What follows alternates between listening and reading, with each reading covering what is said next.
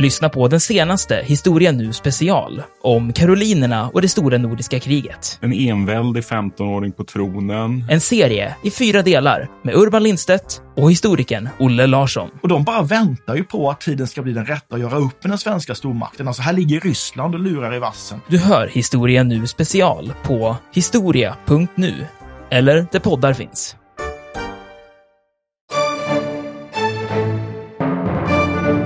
Om man då använder sig av normal historievetenskaplig metod på det här så innebär det att man måste vara väldigt skeptisk. Ragnar själv, det finns alltså ingenting om Ragnar Lodbrok före uppfinningen av sonen och sonens vidare bragder. Ska man banta ner det här och se vad vi faktiskt tror oss kunna veta så finns det två traditioner och två olika namn som glider ihop till den där Sagoragnar.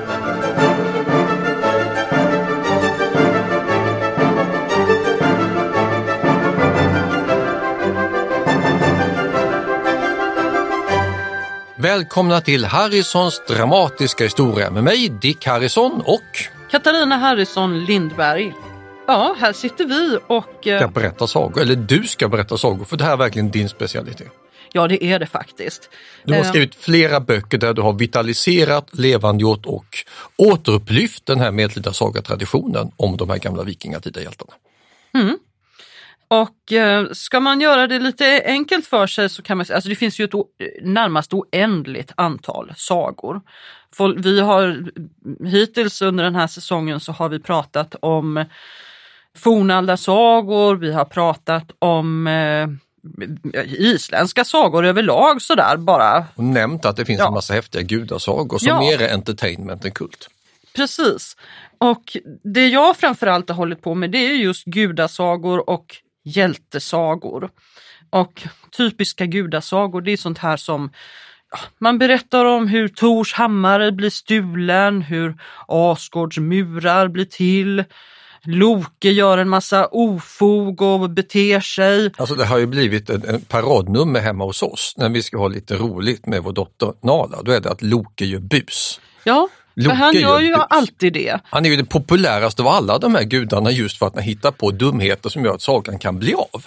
Ja, en typisk, om, om jag bara kort, ber- liksom, så här kan det ju Låt vara Loke då. göra bus. Ja, ehm, det finns en historia om Idun och hennes äpplen.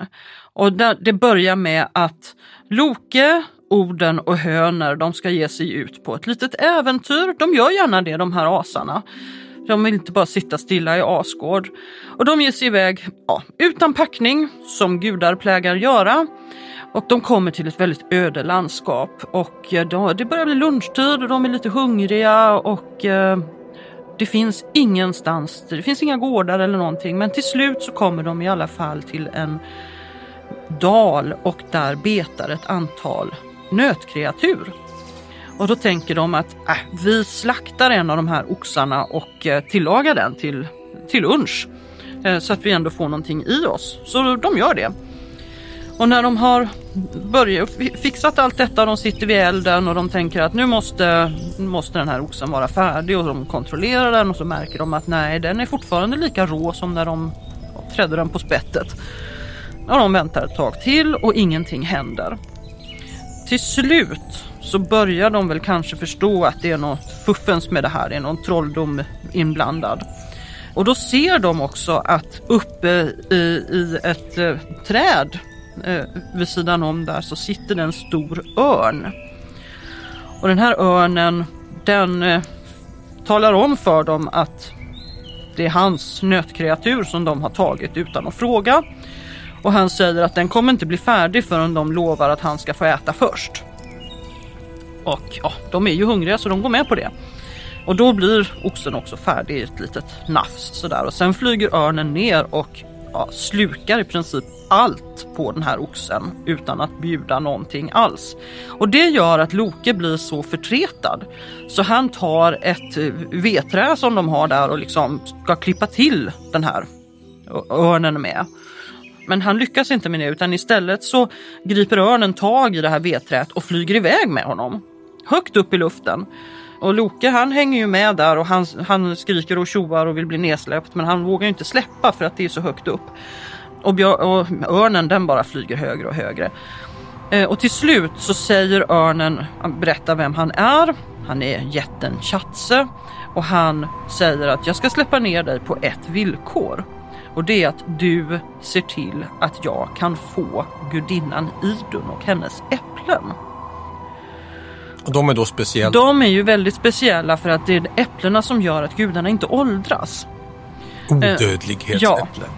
Och det här vet ju Idun, hon är ju väldigt noga med, hon går ju aldrig utanför Asgårds murar och hon, eh, hon håller alltid koll på sina äpplen för de är så värdefulla.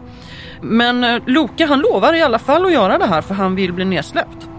Ja, och då, så de kommer överens om det. Och sen en tid senare så lyckas då Loke faktiskt lura ut Idun utanför Asgårds kraftiga murar genom att säga att ja, men jag har sett ett äppleträd här borta. Det ser ut ungefär som dina äpplen. Du måste ta med dig så vi kan jämföra.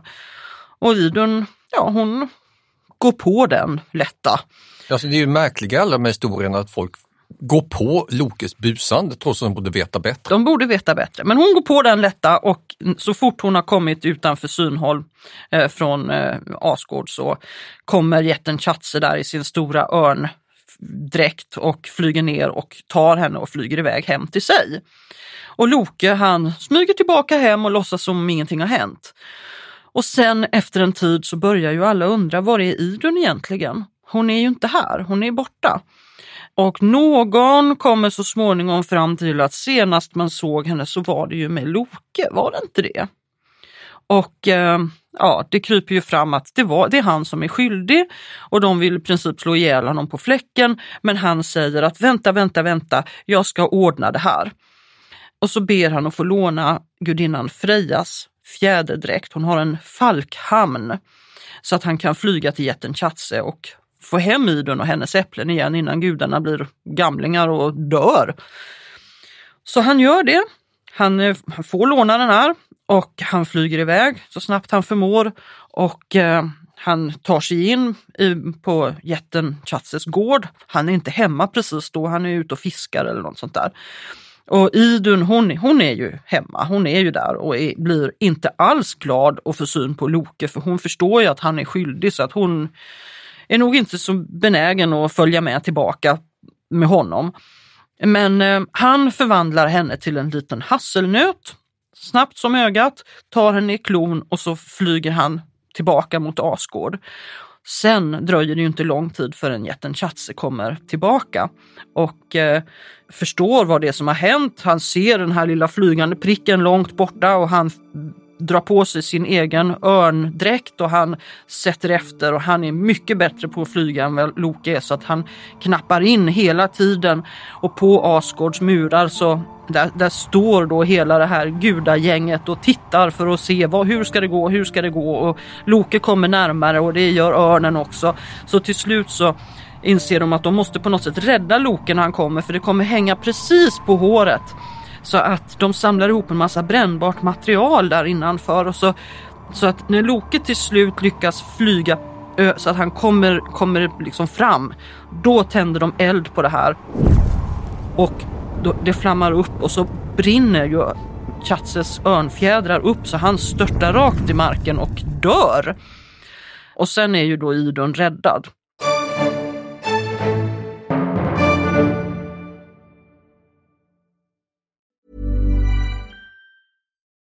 Millions of people have lost weight with personalized plans from Noom. Like Evan, who can't stand salads and still lost 50 pounds. Salads generally for most people are the easy button, right? For me, that wasn't an option. I never really was a salad guy. That's just not who I am. But Noom worked for me. Get your personalized plan today at Noom.com. Real Noom user compensated to provide their story. In four weeks, the typical Noom user can expect to lose one to two pounds per week. Individual results may vary. I'm Sandra, and I'm just the professional your small business was looking for. But you didn't hire me because you didn't use LinkedIn jobs. LinkedIn has professionals you can't find anywhere else, including those who aren't actively looking for a new job but might be open to the perfect role, like me. In a given month, over 70% of LinkedIn users don't visit other leading job sites. So if you're not looking on LinkedIn, you'll miss out on great candidates like Sandra. Start hiring professionals like a professional. Post your free job on linkedin.com/people today. Burrow is a furniture company known for timeless design and thoughtful construction and free shipping, and that extends to their outdoor collection. Their outdoor furniture is built to withstand the elements, featuring rust-proof stainless steel hardware, weather-ready teak, and quick-dry foam cushions. For Memorial Day, get 15% off your Burrow purchase at burrow.com slash ACAST and up to 25% off outdoor. That's up to 25% off outdoor furniture at burrow.com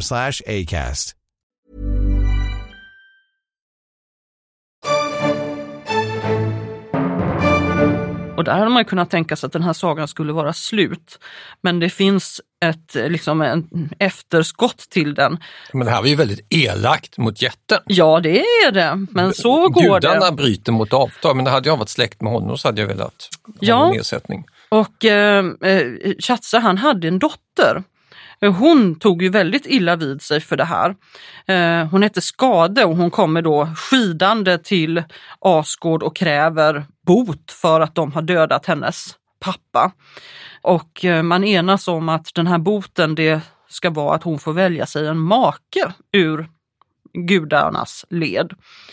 Och eh, Skade tänker att ja, det kan man väl gå med på. Och hon hade nog helst velat gifta sig med Balder. Men hon, hon ska få välja, så får hon inte välja på det sättet utan de ställer upp sig bakom en skärm och så får hon välja dem utefter deras fötter. Hon kan bara se deras nakna fötter och då tänker hon så här, okej jag väljer de snyggaste fötterna för det måste ju vara Balders fötter. Men eh, det är det inte utan hon råkar välja Njord till make. Och Njord han, han håller ofta till i havsbandet så han har väldigt rena fina fötter. Så att, eh, Han är den minste lortgrisen i sammanhanget. Han är den minste Han måste lortgrisen. bada av, av nödvändighetsskäl. precis, så, att, eh, så de blir gifta på det här viset. Om jag minns rätt så blir det ett väldigt misslyckat äktenskap. Ja, det blir lite, han tycker om att vara i havsbandet och hon vill vara uppe i bergen och åka skidor. Så de, det är ingen bra, bra, det är inget bra par. Men så, så kan det gå. Det här är en typisk, Loke ställer till det och han reder upp det igen. Och det här är då, har ingenting att göra med fornnordisk religion egentligen. Det här är fornnordisk berättelse. Ja, det här är en saga. Det här är som man kunde berätta på kvällarna för att man tyckte att det är spännande med, med berättelser. Innan det fanns tv-serier att titta på. Och kristendomens eh, inkomst, eh, ankomst i Norden hade ingen som helst betydelse här heller, utan där fortsätter man att berätta hela medeltiden, hela 15, 16, 17-talet igenom. För att man tyckte att det var kul. Ja, Ja. här blir ju gudarna bara sagofigurer. Övernaturliga sagor, som hjältar. Sen så finns det ju vanliga hjältesagor också där hjältarna inte har övernaturliga egenskaper på samma sätt som gudarna kan ha. De kan inte förvandla sig till fåglar och de kan inte flyga och de kan inte göra såna här speciella grejer. Utan de, de är ju dödliga även om de kanske har fantastiska krafter och sådär. Ja, mm, det här måste ju ha funnits mycket mer från början än vad vi känner till. För jag, det här är ditt gebit, men visst tusen är det framförallt muntligt traderade sagor. Ja. Och sen vissa som varit särskilt populära, de har turen att fastna i skrift någon gång. Ja, så får man nog tänka sig att vi har haft en väldig massa sagor som, som vi inte längre kommer ihåg och som vi inte, som man kanske bara har brottstycken av som man där, därmed inte kan berätta riktigt. Något av det mest fascinerande med de här som finns kvar, tycker jag i alla fall, det är ju när, när deras moral avviker så kraftigt från vår nuvarande. När man gör saker som vi tycker är helt osmakligt och vidrigt, men som gick hem i stugorna då. Där man verkligen ser skillnad på människouppfattning, ungefär som med slavhandel, det tycker man var helt självklart då. Det finns beteende mot varandra, vad som är rätt agerande, där vi skiljer oss. Där kan ju sagorna ge en väldigt god insikt i hur folk tänkte förr.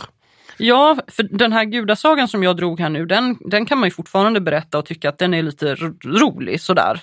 Men, men eh, Det finns ju ehm, barnförbjudna sagor. Det finns sagor som, är, som inte bara är barnförbjudna utan de, de, är, de är lite svåra för oss att ta till oss för att de är så, precis som du säger, avvikande i moraluppfattningen. Vi har till exempel en känd historia om en smed som heter Völund. Det är en elak typ. Ja, och, vi, Alla är elaka. och man får nog tänka sig att den här historien har varit väldigt, väldigt populär. Och den handlar om hur Völund i början av historien tillsammans med sina tre bröder, de bor långt, långt upp i norr. Vad är det här för en figur förresten, Völund? Völund han är en mästersmed, han har alvblod i sina ådror så att han har ju, han är, på något sätt är han ändå besläktad med gudarna men han är ändå mer som en människa. Men han har en del trolldom i sig och vilket är viktigt i sagan. Och det är också det som gör att han är en sån framgångsrik smed. Och han och hans bröder de bor väldigt ensligt. Och alldeles i början av den här historien så lyckas bröderna fånga tre valkyrior som har rastat vid en sjö i närheten. De eh, Valkyrierna, precis som i, i, den tidigare historien, så de, de flyger med sina svanhamnar. Men då har de rastat och tagit av sig sina fågeldräkter och är som vanliga kvinnor.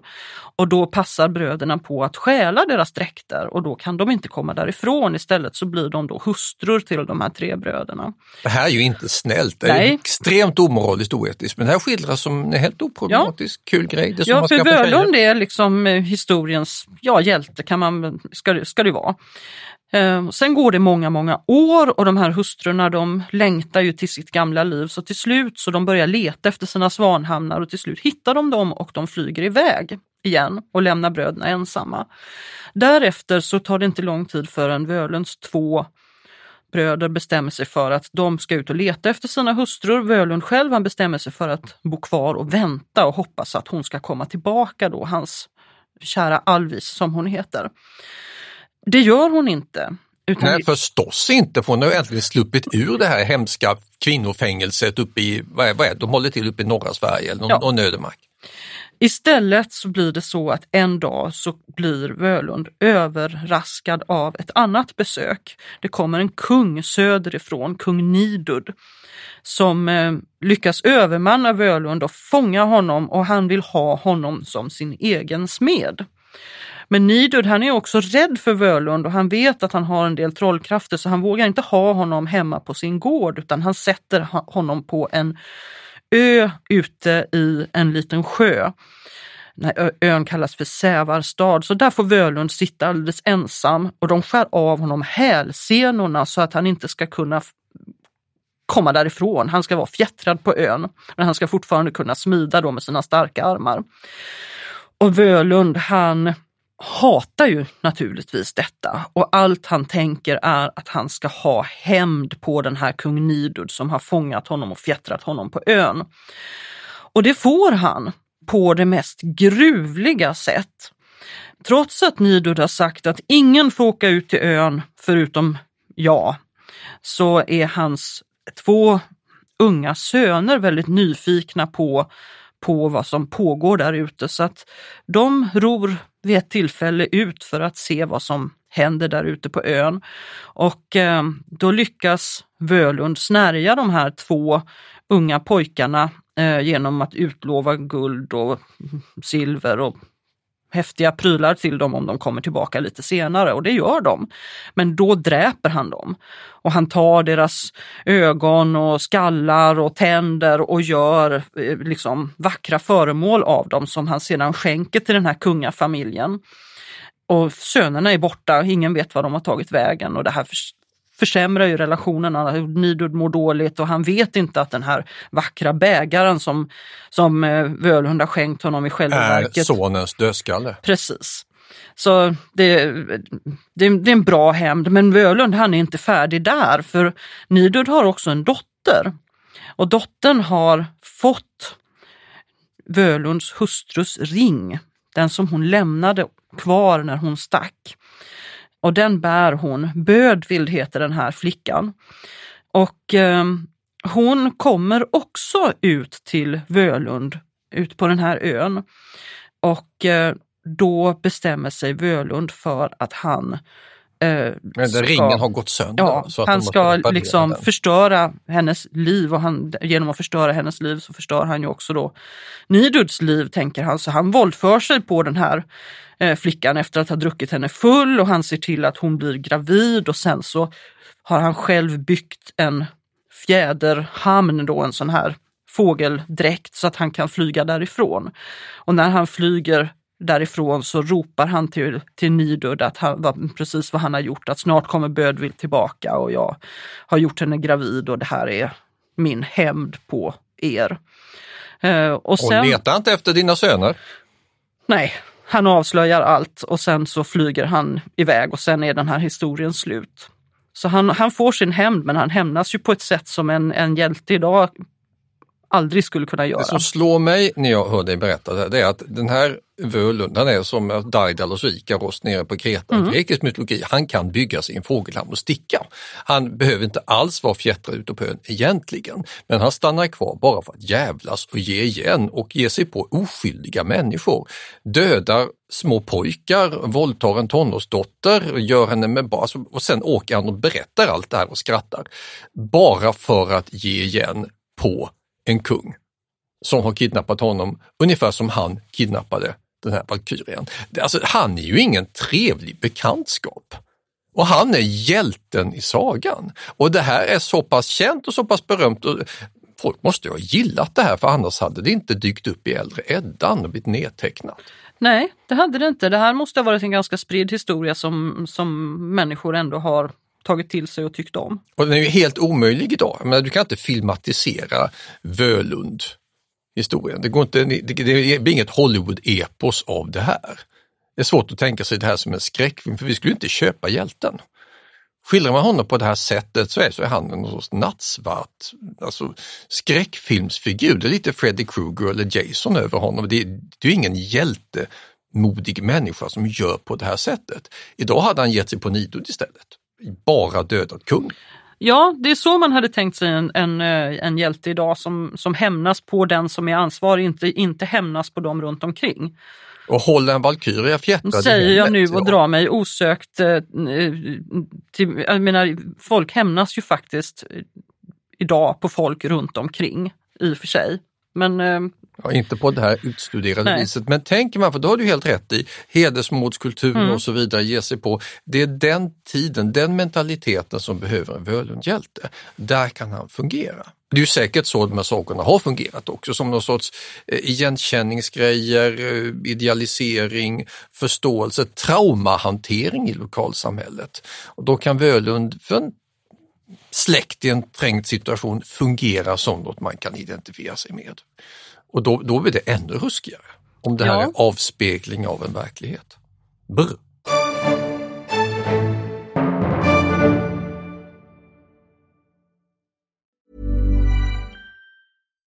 Why don't more infant formula companies use organic, grass fed whole milk instead of skim?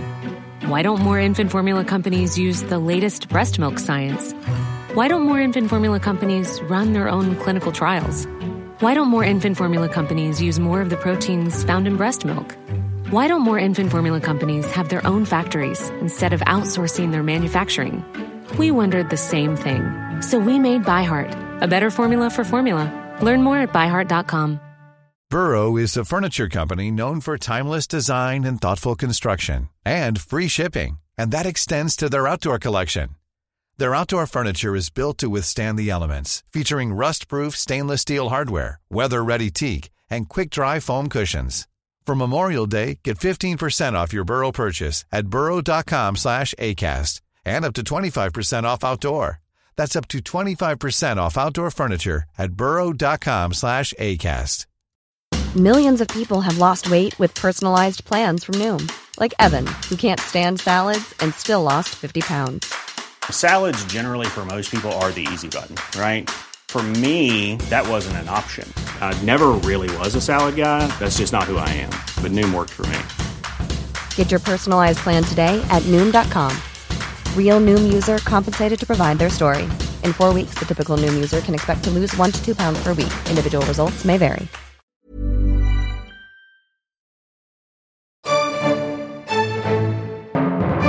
Ja, Völund, alltså att vi känner till honom så väl beror ju alltså på att han hamnar i Äldre Eddan, men han hamnar i konsten också. Han är ju avbildad på flera ställen. Runt omkring i Nordeuropa hittar vi honom. Alltså avbildad i olika gamla skrin. Eh, Ja, man har ju hittat en väldigt fin eh, Völundsavbildning faktiskt i Uppåkra som vi har nämnt eh, i tidigare Fyra poddavsnitt. kilometer här Ja. på studion. Där, han, eh, där man har hittat som ett litet, eh, Egentligen vet man väl inte exakt vad det är, men troligtvis kan det ha suttit som en eh, utsmycknad kanske på en kista. Det har också föreslagits att det skulle kunna sitta på en, över näsan på en prakthjälm kanske. Det är som ett litet, eh, ja det är en liten flygande Völund helt enkelt. Som, eh, Ja, han har vingar på sig. Ja, han har vingar på sig. Man, man ser hur den här människan liksom ligger som nästan fastspänd på en, en vingkonstruktion. Ja. Så det är absolut en avbildning av Völund. Det snällaste man kan säga om Völund-dyrkarna, eller vad man ska kalla dem som gillar honom, är att det är framförallt äldre medeltid. Han, han dyker inte upp i någon senare utbroderad roman från riddartiden och han finns inte med i någon sorts skådespel på 1500 och 1600-talet utan han, han är verkligen ett titthål rakt in i vikingatidens jobbigaste mentalitet. Andra eh, sagor de får ju en mycket längre livslängd och dyker upp och omformas och omvandlas och inspirerar väldigt länge. Ja, en annan av de här historierna som, eh, som faktiskt också är, i, grund och botten har en ganska svår moral, det är ju faktiskt historien om Amled, alltså Hamlet. Den, eh, den har ju sin äldsta form bevarats hos Saxo Gram- Grammaticus. Han, han skriver ganska mycket om Amled. Där Amled då är en ung hövdingason. Och hu- huvudstoryn, om man säger så, den är precis så som Hamlet senare gör den. Att Amleds pappa blir dödad av sin bror och brodern gifter sig senare med Amleds mamma. Gertrud hos Shakespeare. Mm. Gerud hos Saxo. Och eh, Hamlet, eller Amled, han börjar då spela galen och han gör en massa konstiga saker. Och eh, i Shakespeares Hamlet så, så, så fungerar ändå den här historien medan den mer originalhistorien då, där, i, där gör ju Amled saker som är svåra att liksom tycka att det är vettigt idag. Du har den här historien med kvinnan som har Ja, det finns till exempel, man försöker sätta honom på prov då för att se om han verkligen är galen eller inte och då utsätter man honom för ett test. Man skickar liksom in honom tillsammans med en vacker kvinna och så tänker man, tänker man att ja, om han våldtar henne då är han ju normal. Men om han låter bli då måste han verkligen vara tokig. Eh, Och, och det här är ju lite Att det gick hem i stugorna i 1100-talets Skåne, det är förfärligt. Alltså Saxo det är ju Lund, det är ju ärkebiskop Absalons tid, det här där vi sitter nu. Sånt tyckte man var kul och självklart. Ja, man tyckte att det, det, var, en, det var liksom en historia som fungerade, medan den inte riktigt fungerar på det sättet idag. Alltså Shakespeare så motsvaras väl den här kvinnan av Ofelia närmast. Som, Ja. som då har en helt annan, mycket dramatisk bärande kraft och blir förälskad och det blir inget och till slut han, hon blir ledsen för hennes pappa dör och sen så dränker hon sig i praktiken. Det är alltså en mycket kraftfullare dramatik. Medan medeltidens och vikingatidens moral lägger någon sorts barriär mellan oss och dem. För vi tänker helt enkelt annorlunda. Tack och lov kan vi tycka. Men det intressanta här är ju att Amlets historia, grundläggande tankegången, den överlever ju medeltiden. Den historien byggs vidare. Ja, därför att vad, vad Shakespeare uppenbarligen kunde se då, för han måste haft tillgång till Saxos version. Ja, han hade tillgång till François de Belforest, en fransman som i sin tur hade tillgång Ja. till Saxo. Så Men- det är någon sorts övergång där. Ja. Eh, Så han såg ju att om man skalar bort de här knäppa grejerna så har man ändå en bra grundhistoria som man kan göra någonting av. Mm. Och han låter honom bo kvar i Danmark. Ja, så på grund av den här galne hjälten eller vidriga Saxo-historien som sen folk snappade upp så, så blev Danmark ett stort, åtminstone som sen betraktas stort teaterland, som då blev odödliggjort hos Shakespeare. Så på så sätt så får de här berättelserna ibland, om de har tur, en överlevnadsmöjlighet. Man kan bara undra vad som hade hänt med Völund om François de Belforest hade skrivit någonting om honom också, men det slapp vi, tack och lov. det slapp vi. Tack! Och jag menar Völund på teaterscen, nej tack. Nu har vi säkert satt det här i någon modern dramatikers huvud. Vad hade Lars Norén gjort av Völund? Ja, men jag Egentligen tror- ett, ett väldigt typiskt Norén-drama fast lite i överkant. Ja, man kan säkert göra någonting av honom också. Det går ju att lyfta upp de här historierna och, och, och använda an, hela eller delar av dem eller bara plocka figurer ur dem. Um, du har ju sådana riktigt långa berättelser också om osmakliga hjältar, alltså Starkad eller Ragnar Lodbrok och sådana ja. där. Som, jag menar Ragnar Lodbrok är ju, är ju värd att nämna just för att han har ju blivit jättekänd i den här tv-serien Vikings. Som jag måste säga att vi inte tyckte om. Nej, men vi såg två avsnitt innan vi gav upp. Ja, det var två för mycket. Ja, för vi tyckte, vi tyckte faktiskt eh, inte att den var något vidare. Men, eh, men eh, Eh, ändå, trots att vi då inte tyckte att den var något vidare så kommer min näst, nästa bok faktiskt att handla om Ragnar Lodbrok. Så att ehm, jag sitter just nu med, eh, med liksom Ragnar Lodbroks saga upp till armbågarna. Ja, och att du kan göra det är ju för att han är en sån där figur som fångade folks fantasi på 12, 13, 1400-talet ja, och fick leva kvar. Han det finns ju både som en egen saga, alltså Ragnar Lodbroks och hans söners saga, för att det handlar också mycket om hans söner. Och han finns hos Saxo eh, som har en delvis annan historia. Så att eh, vad jag kommer göra är det att jag gör som en, en kombination av de här två historierna när jag skriver. Men eh, vad som slår mig med Ragnar, vilket jag tänker att man aldrig liksom har tänkt på förr, det är att han är väldigt i händerna på sitt kvinnotycke. Ja, du har beskrivit honom som att nu skriver jag en bok om en tjejtjusare. Ja, jag har tänkt att du gör han är, han, är, han är verkligen en tjejtjusare. Han faller för kvinnor hela tiden och det liksom förändrar hans liv jämt och ständigt. Inte bara faller, du har sagt att han dumpar dem ja, också. Ja, men han, han faller, när han faller för ny så dumpar han en gammal och så, så att han, eh, han, är, han är väldigt, eh, åh, åh en snygg tjej, ja, henne måste jag ha. Jag vet att vid något tillfälle så ska han dumpa någon som heter Kraka och då känner hon sig förfördelad. Vet du inte att jag, ja. jag är bättre än du vet? Ja, jag är finare. Det, det, det går till på det här sättet. Allra först så om vi vänder oss till, till, den sagan som heter Ragnar Lodbroks saga, då blir han först tillsammans med en kvinna som heter Tora som han lyckas eh, ja, befria ur, ur eh, ja, hon sitter liksom inlåst kan man säga. Han dödar sorts drake. Ja, han dödar en drake och, eh, liksom, och så får han henne till hustru och han är jätteförtjust i henne. Men Sen så faller han då för en ny flicka, hon heter Kraka och hon framstår som väldigt smart, eh, duktig, vacker och bra på alla sätt. Och han får massor med söner med henne. Det är de här Ivar Benlös och Björn Järnsida och de, de här som man kanske har hört talas om. Men sen, hon är egentligen ingen, tror han. Eh, hon är bara någon enkel kvinna och då faller hans blickar istället på en svensk hövdingadotter som heter Ingeborg. Han vill byta upp sig? Ja, han vill byta upp sig och Ingeborg är nog inte alls ointresserad av att byta upp sig och hennes pappa han heter Öysten. Han tycker också att det här är ett bra parti. Ehm, men när Kraka får veta detta då bestämmer hon sig för att berätta att jag är minsann ingen liten fjant.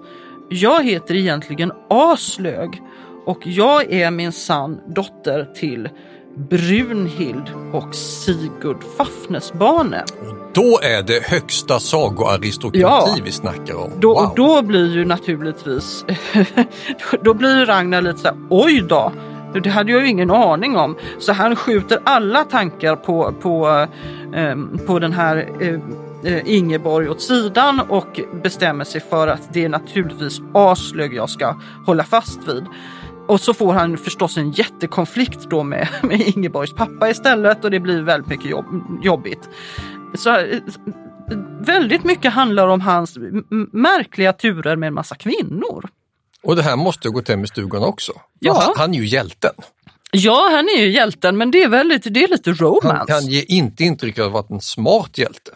Det gör han ju inte mot slutet heller. Jag menar, när han dör då, sticker iväg i ett enda skepp till England, visar att du är manlig och tuff, mm. förlorar nästan förprogrammerat.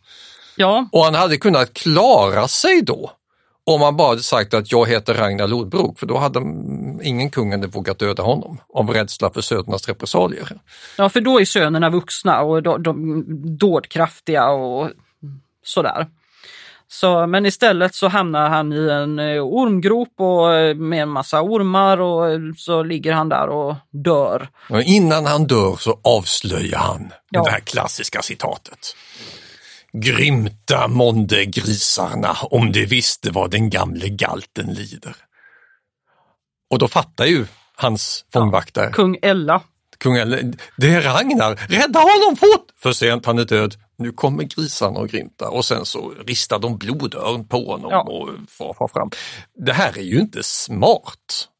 Ragnar ger inte intryck av att ha varit den där hjälten som man gärna tror att han ska ha varit. Alltså den här typiska vikingahövdingen som gör tuffa saker.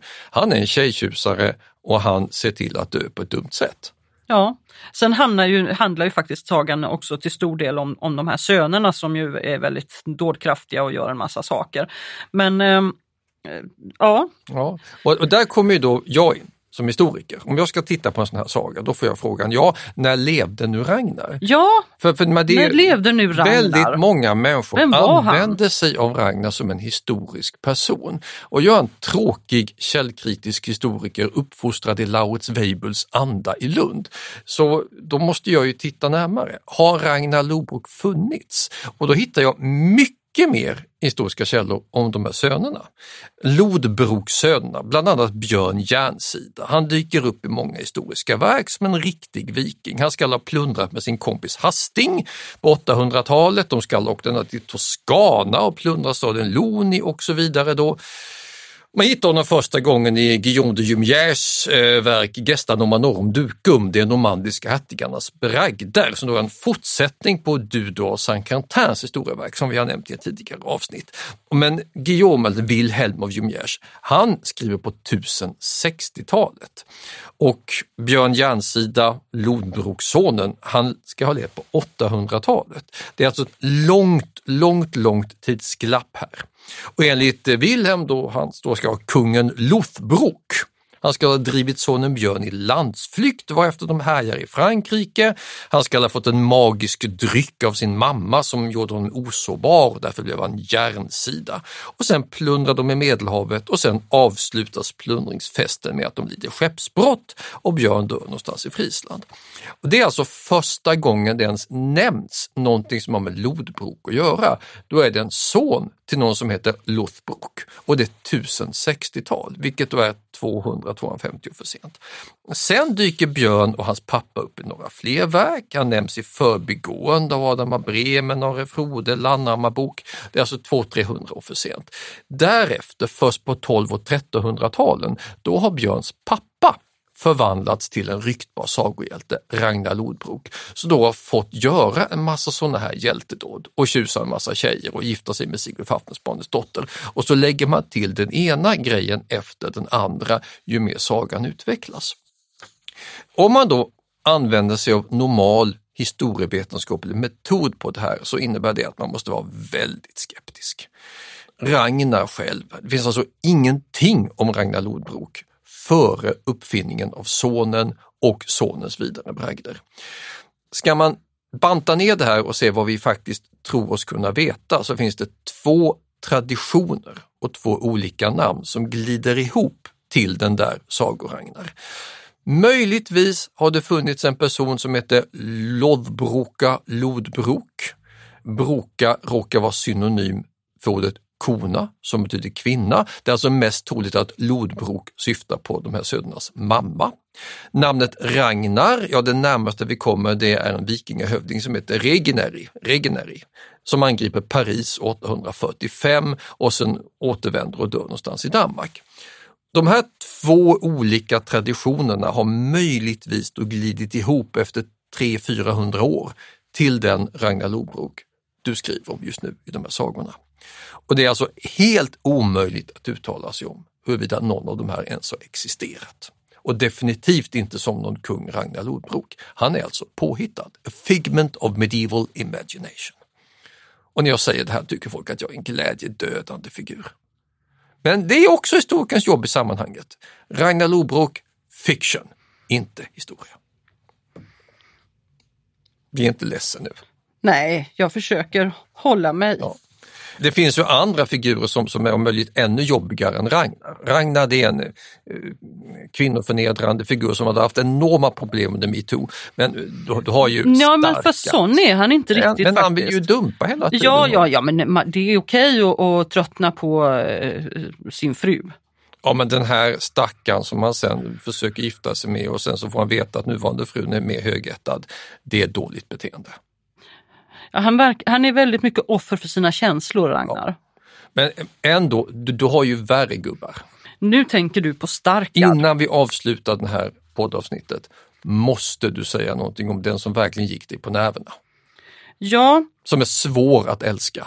han är, han är mycket svår att älska. Jag tror i, i den här, ja i min nästa bok då, som heter just Nordiska hjältesagor, så det finns en hjälte som var enormt populär.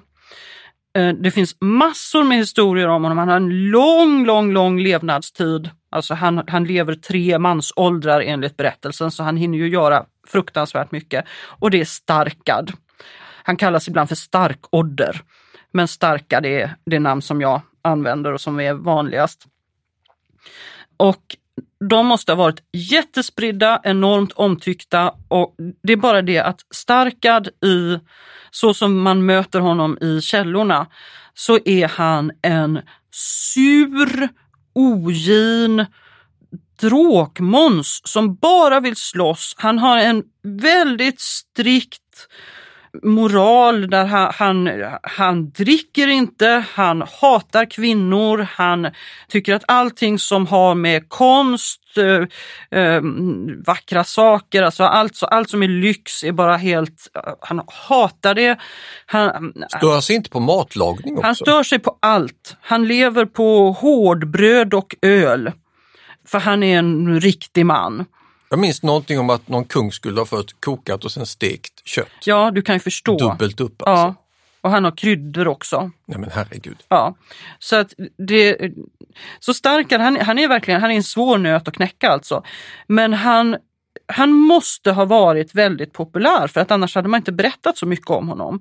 Och vi hade inte haft så, så mycket, liksom mycket kött på de här historierna som ändå finns. Han, han är med om massor med äventyr. Och vinner en massa envig Ja, han vinner över sina och fiender och han slår, ja, han slår ihjäl jättar och han skrämmer slag på folk och han kan kämpa mot liksom jättemånga fiender samtidigt och ändå klara sig. Och, eh, så han är någon sorts Herkules mer eller mindre, eller Herakles på våra breddgrader.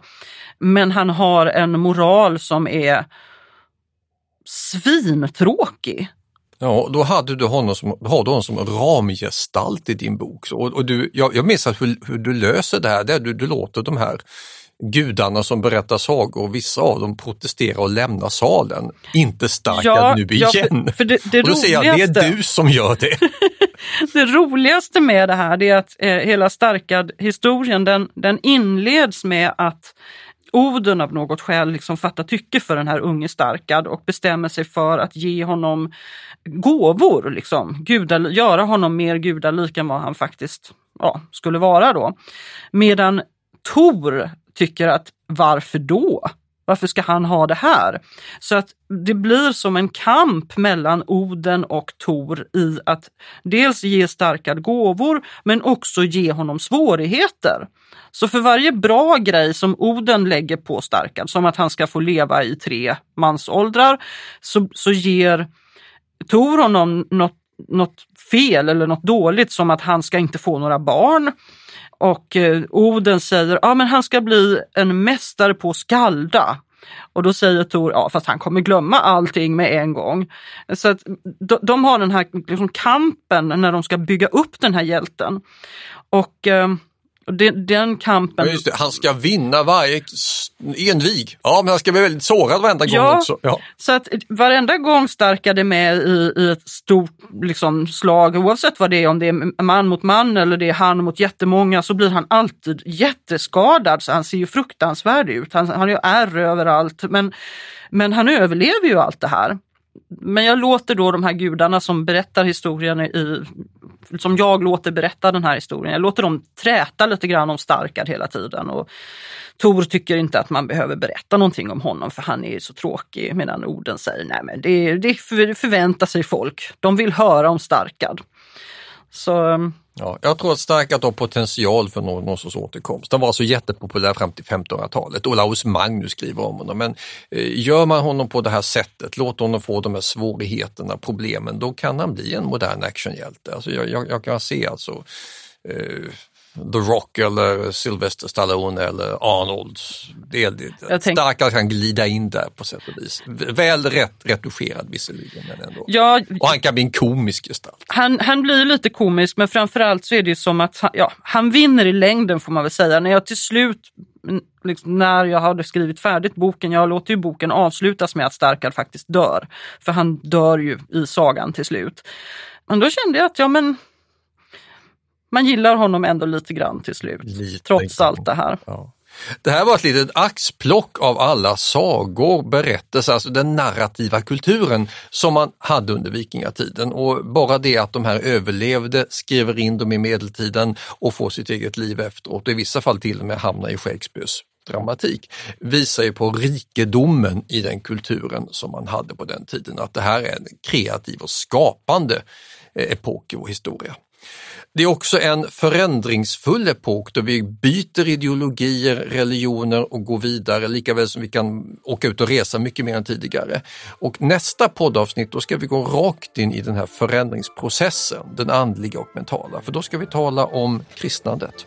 Ja. När missionärer kommer hit och folk byter världsåskådning fullständigt. Mm. Men det är i nästa poddavsnitt, det näst sista i ja. vår vikingasäsong. Så, tack och hej för idag!